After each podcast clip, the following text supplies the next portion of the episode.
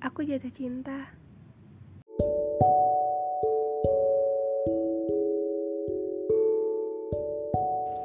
Aku jatuh cinta. Aku jatuh cinta bukan dengan apa yang orang bilang tentangnya. Bukan tentang bagaimana hebatnya dia kata mereka. Bukan dari para rupawan seperti yang orang-orang bilang. Aku jatuh cinta karena buku yang ia baca. Aku jatuh cinta dengan caranya antusias bertanya kepada orang lain yang padahal dia sudah punya jawabannya. Karena menurutnya, menghargai orang lain bukan sekedar apresiasi. Aku jatuh cinta dengan caranya bercerita tentang kopi super pahit yang ia suka. Aku jatuh cinta dengan suaranya yang hanya mampu ku dengar dari kejauhan.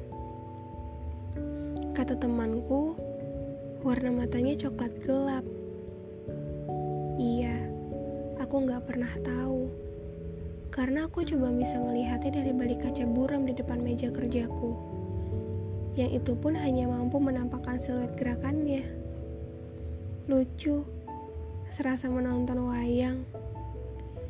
Kadang ia berdiri, entah melakukan apa.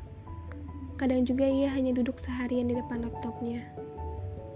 Tapi itu lebih menyenangkan daripada siluet hitam itu hilang dari bingkai pandanganku. Pernah suatu waktu kami berpapasan. Aku membawa cangkir putih dan cappuccino saset favoritku. Dia tentu dengan kopi bubuknya. Oh iya, saat itu dia juga bilang, kopi saset sama kopi bubuk itu beda. Padahal sama-sama kopi dan bentuknya juga sama-sama bubuk, tapi dia bilang itu beda. Sampai pada akhirnya aku mencoba kopi pahitnya. Pahit. Tapi aku suka. Kenapa ya?